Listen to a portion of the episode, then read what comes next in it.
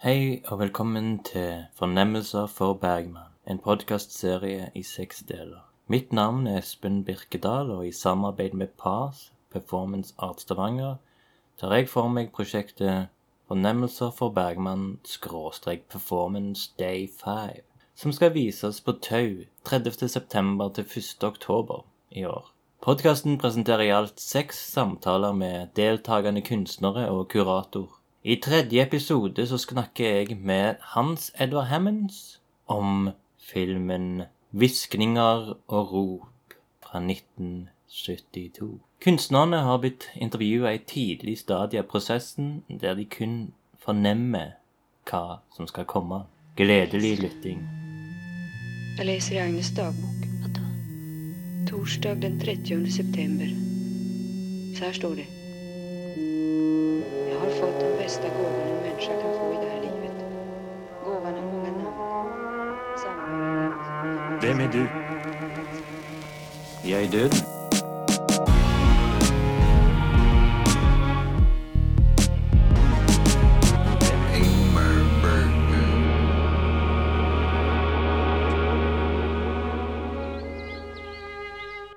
Hvis du skulle lagt en synopsis av denne filmen, vil, hvordan vil du liksom forklare det? Formidle den til andre? Det handler om fire kvinner sitt forhold til hverandre, der hun ene er døende, og de andre tre holder på å deale med døden hennes. Og så er det òg noen andre karakterer som kommer inn, men mannlige karakterer. Om de bare støtter opp karakterbygningen eller karakterene til, eller livene, tilstanden. De er ikke så viktige. Man kommer ikke inn i mennene i det hele tatt. Det handler om disse her kvinnene. Eller forhold med døden av hun ene. Ja. Og tre av de er søstre. Tre av de søstre og, er, og det er en av søstrene som er døende. Det er Agnes, Maria, Karen og Anna. Og Agnes er hun som er døende. Og så har du Maria og Karin, som er søstrene hennes. Og så har du eh, Anna, som er, jobber Hun er eh, Hva heter det? Eh, Husholderske. Husholderske, ja. Som jobber. Men det er bare så crazy. Denne filmen Det er bare så crazy hvordan de forholdene er. Og det er jo sånn Jeg tenker det er Bergman som har gjort et sånn utrolig, eh, utrolig interessant grep. Og da tenker jeg òg på i forhold til Når du sa at den er vanskelig å forstå handlingen i den, så tenker jeg at eh, eller det jeg følte, eller min sånn første intuisjon, var at han har liksom strippa vekk alt som er uviktig. Bakgrunnshistorier eller alle sånne trivielle ting har liksom bare strippa ut av filmen. For eksempel, man vet, får aldri vite hva hun dør av. Hva er det? Men, og det må man lese seg opp om. Og, Ja, ikke sant? sånn, ja. Jeg kan jo også nevne at eh, For jeg har eh, arbeidsboken hans fra den tiden. Og da, da skriver han sånn eh, Jeg tror han begynner med navnene, og skal være søstre, så liksom finner jeg ut hva navnet. Og så sier han plutselig sånn Ja, hun ene må kanskje være skilt. Nei, forresten. Oi, altså Det bare kompliserer hele karakteren, liksom. Du har jo rett at han, han prøver jo å file ned på Ok, vi trenger ikke bakhistorier. Det er liksom bare her og nå. Det handler om de ja, for, forholdene til disse søstrene. Det som er med filmen, er jo at han er så utrolig taktile.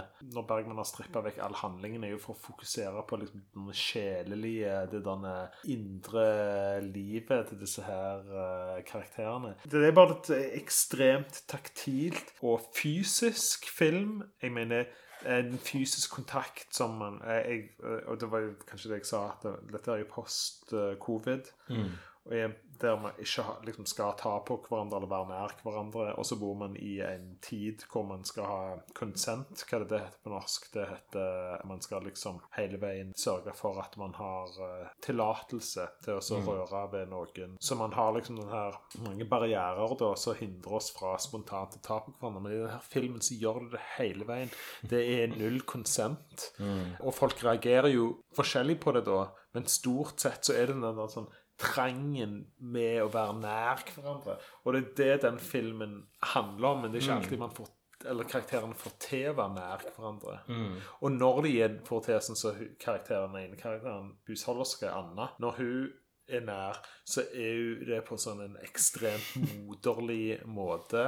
Jeg mener, jeg vet ikke, jeg har ikke jeg, Det ble jo vel spoiler alert, for si det, men hun har jo ei datter som har dødd. Mm. Og hun lever jo liksom hennes død i Dattera si død gjennom Agnes sin død. Mm. Men Agnes er jo med på dette her, for Agnes vil jo ha nærhet i den her, så hun ikke kan få fra søstrene sine. For Anna, da, hun så sånn, hun er jo hun døende sin husholderske. De er liksom i et borg eller noe sånt, der liksom alle søstrene er samla for, og de egentlig venter på at de skal dø. Så hele filmen handler jo om Hun ligger jo bare på et rom og skriker gjennom hele filmen.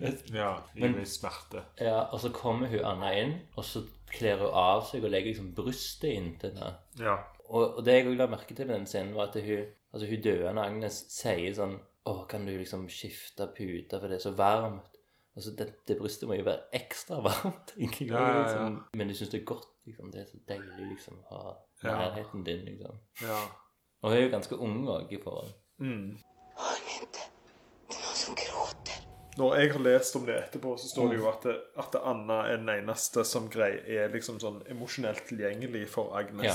Mm. som er døende. Men at eh, hun meler jo òg sin egen kake i den situasjonen, for at hun lever jo på en måte sine egne behov inn i dette Mm. her forholdet. Hun prøver jo å gjøre dette her med Karin, og hjelpe Karin i en scene, og prøve å komme nær henne, og det går jo, slår jo helt Ja, feil. og Karin er på en måte den onde av søstrene. Ja. Så er det jo Si at hun døende er på en måte den gode, og så er det hun Karin som er liksom bare er avfeier alt, hater alt, og er liksom Forenkla sagt. Og så er det ei som er veldig sånn kjærlig og kåt. Da, liksom- Maria så- Ja. Men eh, jeg kan jo liksom nevne det at, eh, at den her døende, Agnes Hvis hun får ha en sånn lang tilbakeblikk der hun snakker liksom om at du mor og fikk aldri helt kontakt med mor. Så nå er det den yngre pleiersken passer på henne som en mor. Det er jo veldig sånn Mm. Altså i, I tillegg så har Bergman sagt at eh, i et, sånn tidlig intervju Jeg tror det var rett etter filmen var ferdig, eller midt i innspilling kanskje, at det her handla om hans mor. Hans forhold til mora. Sin egen mor. Mm. Og så flere år etterpå, når noen intervjuere tar opp at ja, den her hvisken og rop, den handler jo om din mor. Og så, så klikker han og sier nei, det er bare noe media bullshit, liksom. Det handler ikke om drit og liksom bare Han er sånn notorisk på sånn å skifte meninger, og Ja. du vet aldri når han lyver eller ikke. Så han går fra å være en Agnes til å bli en Karin. ja, ja, egentlig. Ja. Men egentlig så er han en sånn kåt liten Maria. Maria. Men for å ta det tilbake til hvordan du opplevde å se filmen, da. Jeg må innrømme at når jeg så den første gang, når jeg var noen 20 Nå er jeg 39. Da, da, den tok gjorde så sterkt inntrykk på meg, og jeg ville ikke se den igjen. For det var liksom så Det er så mye er all den skrikinga, det er angst, og det er liksom tungt, og det er liksom Det er rødt. Alt er rødt. Jeg har sett de fleste Bergman-filmer mer enn én en gang, egentlig. Men denne har jeg bare avvent. ja. Den. Men uh, når jeg så den igjen, da, og, og, og jeg, jeg valgte å se den dagtid, for sånn at, liksom, at jeg skulle være frisk og hjernen og liksom det, det var på en måte Det svetta litt, men det var veldig deilig å få sett den. Og gleda meg til å lese om den og, og, og sånne ting det. Jeg vet ikke hvordan jeg hadde oppreagert på denne filmen som en uh, 23-åring, men som jeg i dag, da. Så Jeg så den med kjæresten min Jess, eller min kone Jess, og hun reagerte på det at det var liksom sånn Handlingen var litt vanskelig å fylle. Men jeg tror ikke jeg så på den på den narrative måten. Jeg så den som en serie med på en måte bilder eller vignetter eller at sammenhengen gjorde ikke så mye Det var ikke så viktig egentlig, for det var en sånn veldig mye mer psykologisk uh, utsnitt av disse forskjellige karakterene sine liv. Du satt liksom analytisk? Den? Ja, jeg tror nok at det, at det faktum at jeg skal lage et performancearbeid Ja. gjorde det, og det er jo faktisk må, måtte jeg være veldig sånn prøve å være så eh, mindful som mulig i å se den her, at jeg ikke måtte For det var veldig lett for meg. For hver scene var liksom Kunne jeg lage eh, Ja. performanceverk Mm. eller kunstverk av det. Nå når jeg har sett den med den modusen jeg var i, hvor kunne jeg lagt en utstilling om denne filmen uten problemer. Ikke Ja. sant? Det er så mye å ta tak i. Mm. Eh, Så jeg prøvde egentlig bare å være til stede så godt jeg kunne, som bare som en tilskuer, som å bare få inn disse inntrykkene. Men jeg hadde ikke behov for å forstå hvorfor hun var døende. Jeg visste at hun var døende. Ja. At hun dør av eh, livmorskreft, eller at hun har selvfølgelig kreft i en del av det som gjør hun om til en kvinne, ikke sant, som er viktig for reproduksjon og sånn som det. Men det ble aldri sagt. Nei, det ble ikke sagt, og det, det har jeg kun lest om Ja, etterpå. Okay, ja. Det, og det må jo være sånn Ingmar Bergman som har sagt, eller et eller annet. Ja, ja, ja, sånn, ja. Ikke sikkert skuespilleren visste det. Nei, det, det vet jeg heller ikke. Så det, ingen av disse tingene var så veldig viktige for Mm. meg. Det var det denne følelsesspillet og tankelivet som var sånn utrolig fantastisk. Og så òg utsnittene, selvfølgelig, liksom. Mm. Sånn som jeg forstår at Bergman er jo ikke bare kjent for Filmene til Bergman er ikke bare fordi historiene og visjonene hans Det er jo den han eh, Hva heter han filmskaperen, han cinematografen? Ja, ja, Sven Nyquist. ja, Ja. at han har jo tydeligvis òg liksom sånn hver ramme er et kunstverk, Mm. ikke sant, i seg sjøl. Ja. Og kunne jo òg gjort den her at det kunne lett være en fotoutstilling, Mm. ikke sant, med Mm. nesten hvilket som helst stillbilde fra hele Så det er så mange sånn nivåer av ting man kan Og så er det scenografien, fargene som er etter rødfargen hele veien. Og det fant jeg òg ut av Bergman i etterkant. Han har helt siden han var liten, så han sett for seg en sånn blå drage. Dragens sjel er rød liksom. Ja, akkurat. Mm. Og dette her var derfor han lagde den filmen brukte rødfargen. Mm. Og når jeg leste det, så forsto det ga meg utrolig mye mening om hvorfor han har strippa vekk alt, og hvorfor de er så utrolig sånn eksempel i en scene der eh, Maria prøver å komme nærme Karin. Mm. De sitter og snakker Mm. med hverandre og og sånn, Lydløst. Ja, lydløst. Mm. Men som søster så tar de tar så utrolig mye. Hendene er liksom på ansiktet, og skuldrene. Og da forsto jeg jo, da ut ifra det sjelelige, eller sånn som jeg tolka det, var jo at eh, volumet på den handlingen ble skrudd opp for der begge to lengta etter nærheten med hverandre. Så jeg så det hele veien som en sånn meta, eh, et slags sånn metaplan, at man ser det en sånn annen parallell dimensjon eh, der der sjelen sine Ja, handlinger sånn, ja. spiller ut i, i forhold til liksom, I virkeligheten så hadde de kanskje hadde ikke sett sånn ut, men det er liksom lengselen og, Mm. og alt dette her som faktisk spiller seg ut. Det syns jeg var utrolig spennende, da. Ja. Du fatta hur en kan leve med så mye hat som jeg måtte bære. Jeg tror han ville ha mye mindre dialog i filmen. Jeg syns dialogen var bra. jeg. Synes også, det er òg sånn Jeg kunne Ja. godt tenkt meg egentlig bare lest, bare tatt ut all dialogen og lest dialogen uavhengig, bare for å se setningene. Ja, ja, ja. er. Akkurat det bildet der du ser på, kan du bare fortelle hva Det, det er han eh, doktoren som kommer inn og skal sjekke hun av og til. Hun her eh, døende Agnes. Hun har et forhold med hun eh, Liv Ullmann-karakteren Maria, som hun kåte, da.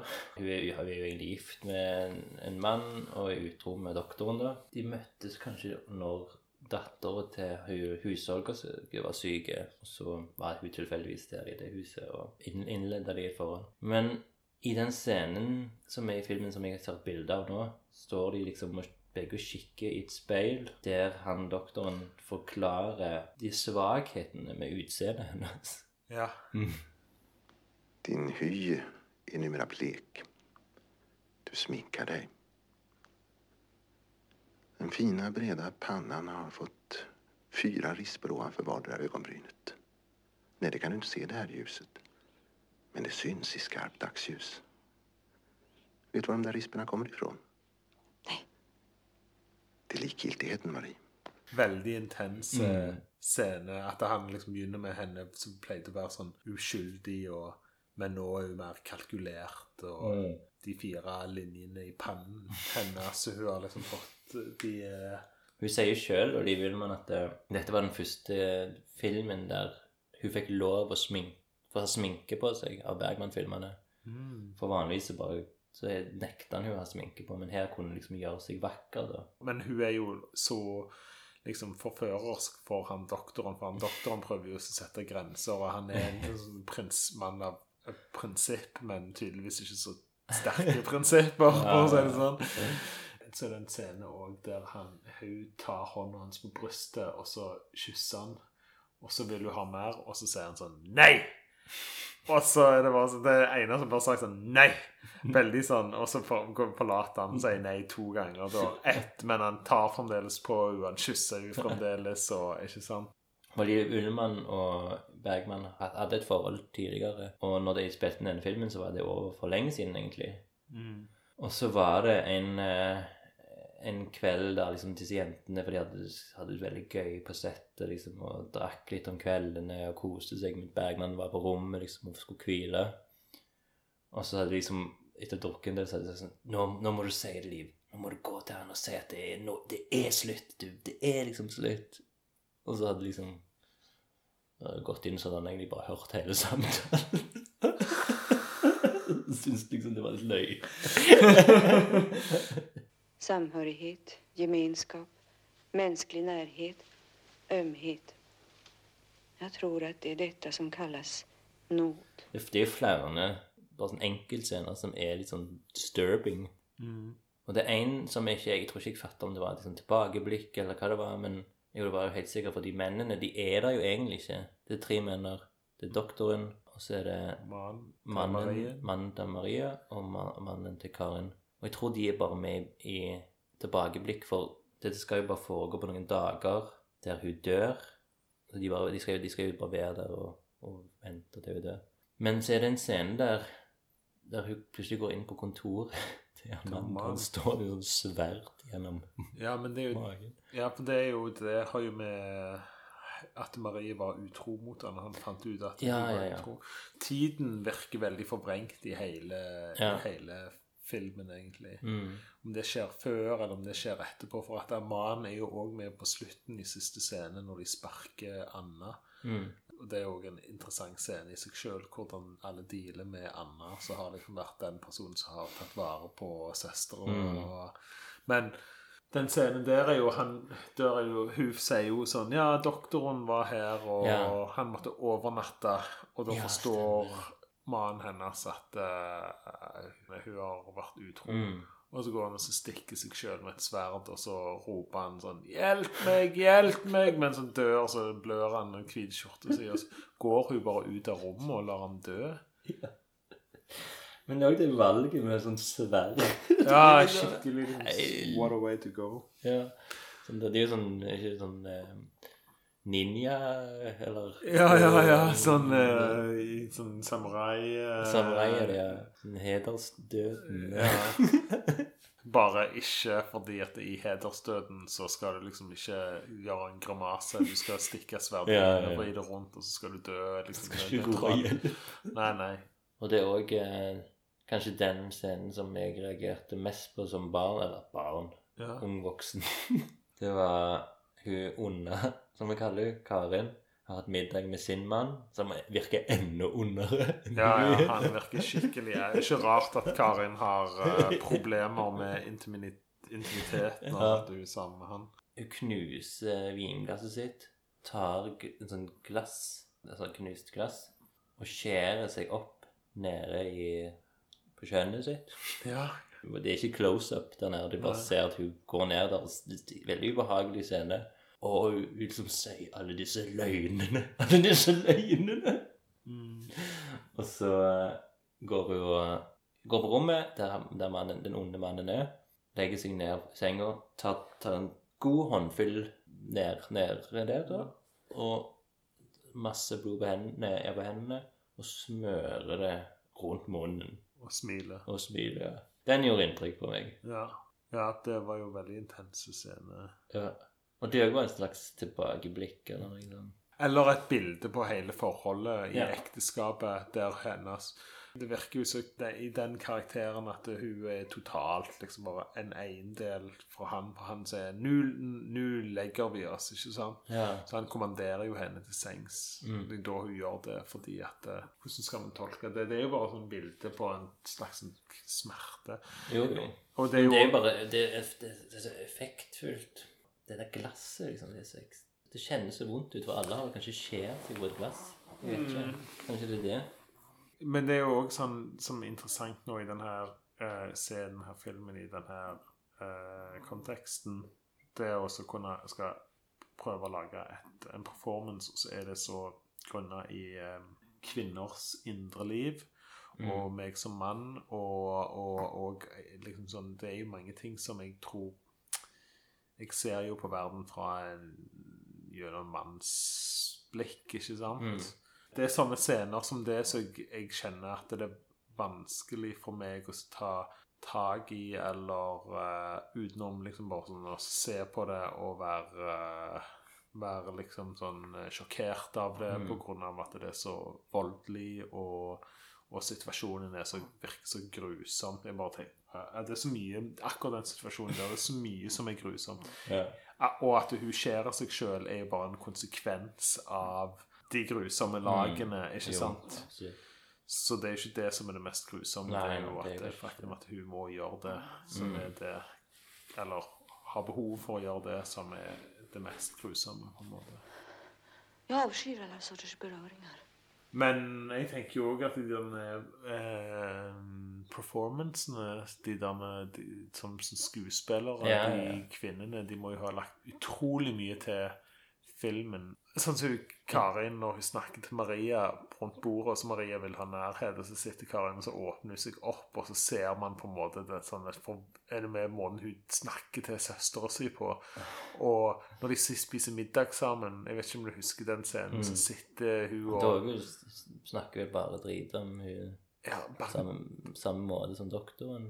Ja, altså, berg-og-dal Ja, ja, ak- absolutt. Berg-og-dal-bane av en sånn følelser, og, og nå begynner hun liksom sånn ler, hun griner, hun, hun forbanner, ikke sant? Det Ja, ja, er ja. ja nei, de, de er ekstreme, de skuespillerne. Det var en herve av løgner. Alt jobb. Et objekt eller element fra filmen som du skal videreutvikle til en performance. Jeg tror nok at det har noe med den der fysisk, det fysiske For det er det jeg har sånn higen etter at det å være Jeg vet ikke, jeg mer kontakt med andre mennesker. Så hvordan å få det Så det er et eller annet der. Alle disse scenene Vil du inkludere en annen person? Jeg har litt lyst til å gjøre det, være litt sånn konfronterende i det. Ja, det er så mange muligheter. Jeg hadde så, så sykt mange visjoner. Det er utrolig vanskelig å velge mellom en, en plass å gå og bare lage et rom rødt og gi folk eh, hvite drakter og få de til å være inni det rommet liksom bare som en sånn uniformert i rød og hvit, bare være inni det noen selv, At det, det eneste måten man kan gå inn på, er det som en ikledd Norge. Men jeg vet ikke helt hvorfor det skulle være det, og hvor Mm. om jeg fra, går for langt vekk fra det performative med så Jeg ekskluderer meg sjøl på en måte ved å gjøre det. For Men det er vel òg vanlig performancekunst at du trenger ikke alltid nødvendigvis å være der sjøl. Nei. Det er selvfølgelig fargene, men det er Eller de røde, det røde og det hvite, men det er kanskje litt for opplagt. Og så er det den nærheten. Prøve å finne måter å være nær, nær Mm. på. Men ikke i en sånn en at nå skal vi være nær på en nødvendigvis hyggelig måte, men òg være nær på liksom de ubehagelige Mm. måtene som er for eksempel, eller reaksjoner. Så er det noe med, med dialogen, for at det, det er en del dialog, men at det er òg noe med den dialogen, bare ordene som blir sagt, Mm. som er utrolig mektige setninger, fordi at de er så kritiske til hverandre, og de er ikke sant, eller de er så Så jeg er faktisk usikker på hva, hva retning jeg kommer til å kommer til å gå, men jeg tror nok Mm. at jeg kan se for meg at de har lyst til å gjøre noe som møter tilskuerne på en veldig direkte måte, involverer tilskuerne i performancen. Og det er noe jeg gjør ellers i kunstnerskapet mitt uansett. Ja, sånn, er. Men hvordan det blir involvert. For filmen er jo ikke behagelig sånn sett. Den er jo konfronterende på veldig mange måter. Mm. Så jeg føler at den konfrontasjonen må være der inne. Mm. Den andre oppgaven er en teknikk du bruker i performancekunst. Det trenger ikke å være noe du, du skal bruke, men En teknikk som jeg bruker i performancekunsten min generelt, er jo det Hvis jeg tenker på gnor, så er det jo sånn transeaktige tilstander, forvrengning av kropp og sånn som det. Og det er det jo òg litt i den Nei, ja, for Gnor er jo òg litt sånn der eh, haunting. Sånn som denne filmen er da litt horrorelementer. Ja, ja, absolutt. Og når, når Karin skriket når hun dør, Mm. og de lydene Ja, ja, ja. hun lager, er veldig gnorske. Så der tenkte jeg som det er totalplass for å gjøre noe gnorsk inn i den her performancen. Ja. Eh, Og gnorsk, for dere som ikke vet hva gnorsk er Det gnor er, er veldig sånn eh, lyder før mennesket eksisterte, og lyder etter mennesket. Sånn dyr, dyriske lyder og, og, og lyder fra objekter. Resonans. og Ikke noe egentlig nødvendigvis vakkert, men det kan òg være, være veldig vakkert og musikalsk. Men, men det bryter alt, alltid med rytmen. Det, det, gnor er alltid å bryte ned og bli noe Forvandla til noe mer monsterøs, monsterøs, monst, monst, monstrous. Yeah. Og det handler òg om død. Gnor handler også veldig mye om død, og det gjør Ja. denne filmen Mm. Også. Så spiller hun Agnes. Ja, Harriet et eller annet. Hun sa det at hun hadde sett faren sin dø. Jeg tror det var kreft eller noe sånt. Og det var på den fryktelige måten. Så det var liksom det var en ren inspirasjon av faren sin dødshyl, liksom. Mm. Det er veldig realistisk, selv om det virker helt sånn Det virker jo ganske overdrevent, men det er liksom inspirert av hennes fars liv. Mm. Det er jo veldig interessant, for den der var jævlig sånn Det er òg i en berg-og-dal-bane, hele den der Ja. Harriet Andersen, ja. Mm. Agnes sin performance i den filmen. Alle disse skuespillerne har jo spilt i over ti Bergman-filmer. Ja. Liv Ullmann har jo spilt i elleve filmer, men òg mange etterpå det. Men uh, hun Harriet Andersen hun har spilt siden hun var sånn 17, og så spiller hun òg liksom når hun er sikkert sånn 70. ja. Hun har liksom spilt i alle ti år, liksom. Og ja, hun som er hun onde har spilt Liksom alle har jo også spilt som en sånn vakre, unge, forførerske, skjønne, uh, uskyldige. Her spiller ganske så motsatte. Mm. Jeg er fremdeles så overvelda av filmen sine mange inntrykk at man må, jeg, jeg føler jeg Ja. trenger tid til å prosessere, for det er så sykt så Jeg kunne tatt Som sagt, hver eneste scene Ja. var et utgangspunkt for et eget verk. Hver eneste scene er et verk i seg sjøl. Mm, ja. Du har endret det jeg vil at vi ska vara vänner.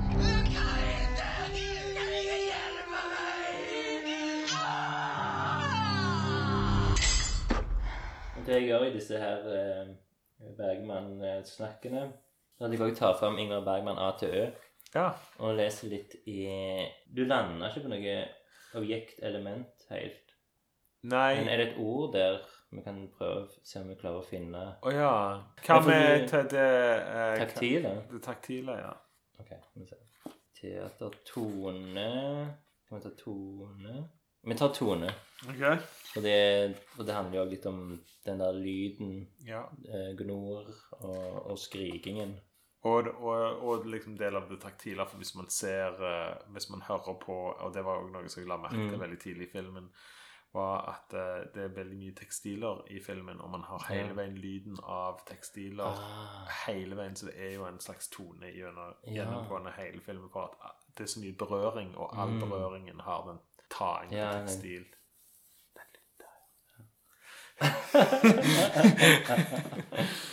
um, tone.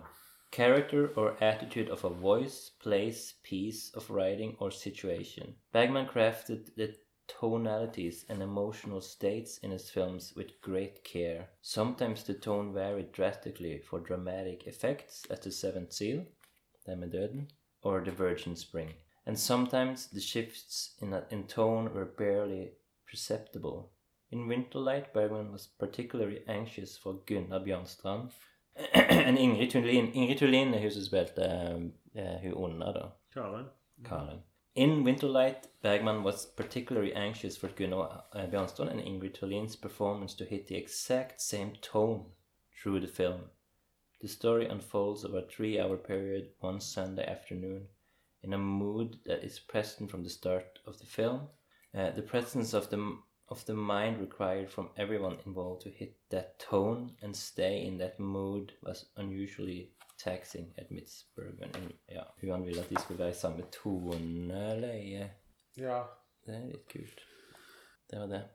Der føler jeg i denne filmen her at eh, Mm. i en scene er det litt mange scener som er berg-og-dal-bane. Det er derfor Ja. jeg er berg-og-dal-bane. Mm. Musikken er ganske hard med denne fiolinen eller hva det er. Jeg husker ikke musikken. Gjør du ikke?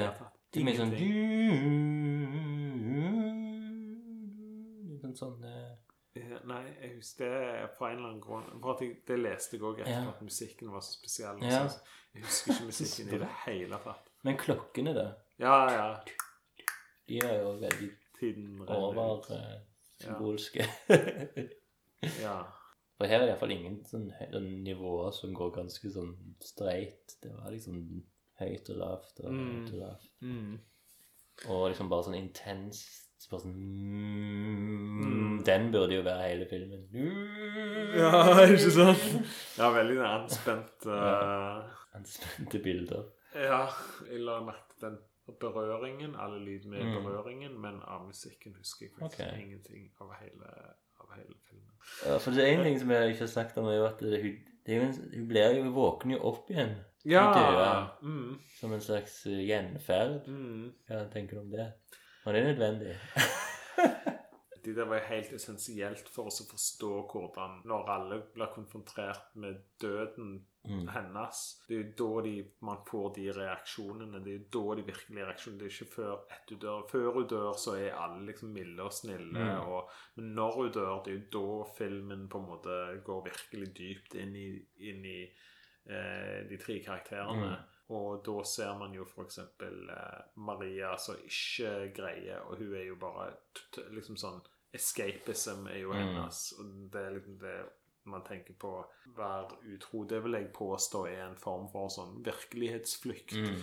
At hun ikke liker den virkeligheten hun er i, og da i, ver- i virkeligheten hennes døde søster, og konfronterer hun liksom så snakker til henne da at hun bare friker totalt Mm. ut. Og Karin Hvordan var det Karin reagerte på den døden? Hun, hun hun er nesten forbanna. Ja, ikke sant? Hun blir Ja, Ja.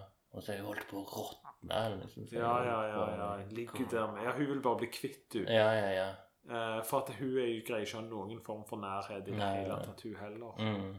All intimitet er, er liksom helt sånn forferdelig for ja. hun.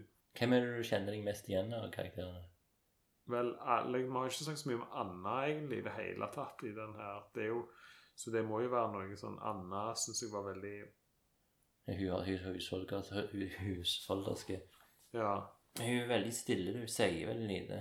Og så er hun bare veldig hjelper, men òg frykter de andre, virker det som. Mm. Og lytter Mm. veldig. Og veldig som forstår sin plass, da. Ja, det er deg. Det vet jeg, jeg vet akkurat. ja, vet hvor du ser det. Så, hvor skulle de være? Du ser det i deg selv. Derfor at vi er så like, du og jag. Tusen takk, eh, Espen. Jo, tusen takk, eh, og jeg gleder meg til å se hva du gjør ut av denne horroren. Ja, for det er jo det det er egentlig. Det er en horrorfilm. ja, det, det sparte vi til slutt med. Det som var viktig. Ja, det blir jo òg ekstra horror med at det er sånn du faktisk våkner opp fra de døde. og Det er jo en klassisk horrorskikkelse. Ja, Zombien. Og, kanskje òg fordi at man blir konfrontert med alle de tingene man ikke liker. Er du med? Det, Ja, ja, ja. Alt er jo alt grusomt. Det er jo sånn, eh, sånn fobia-horror. Det er jo liksom så eh, Sånn som disse her um, Blair Witch Project Ja, er jo sånn, sånn fobia- Ja. fobia-horror der liksom sånn man blir ting Man går seg vill. Fobia. Man blir Ikke sant? Mørkefobia. Dette her er jo Mm. en psykologisk fobia-thriller. Nei, veldig bra. Jeg eh, kunne snakket om dette her. Ja, ja, ja. Nei, men vi, vi kutter her. Eh, Det er jo en, en film alle bør se, Yes. si. Av de, eh, de Bergland-filmene som er blitt tatt fram til den festivalen, så av en eller annen grunn så tror jeg denne her jeg vil mest anbefale at alle ser. Det liksom Det er, en, det er sånn Den er så følelses... Altså, du føler den så veldig, liksom. Det er en, det er en film du føler. life is, could be very strange and very, very hard and very cruel. Jinglen er laga av jinglemaker Jørgensen, eller Gustav Espelid, som han egentlig heter. Tusen takk.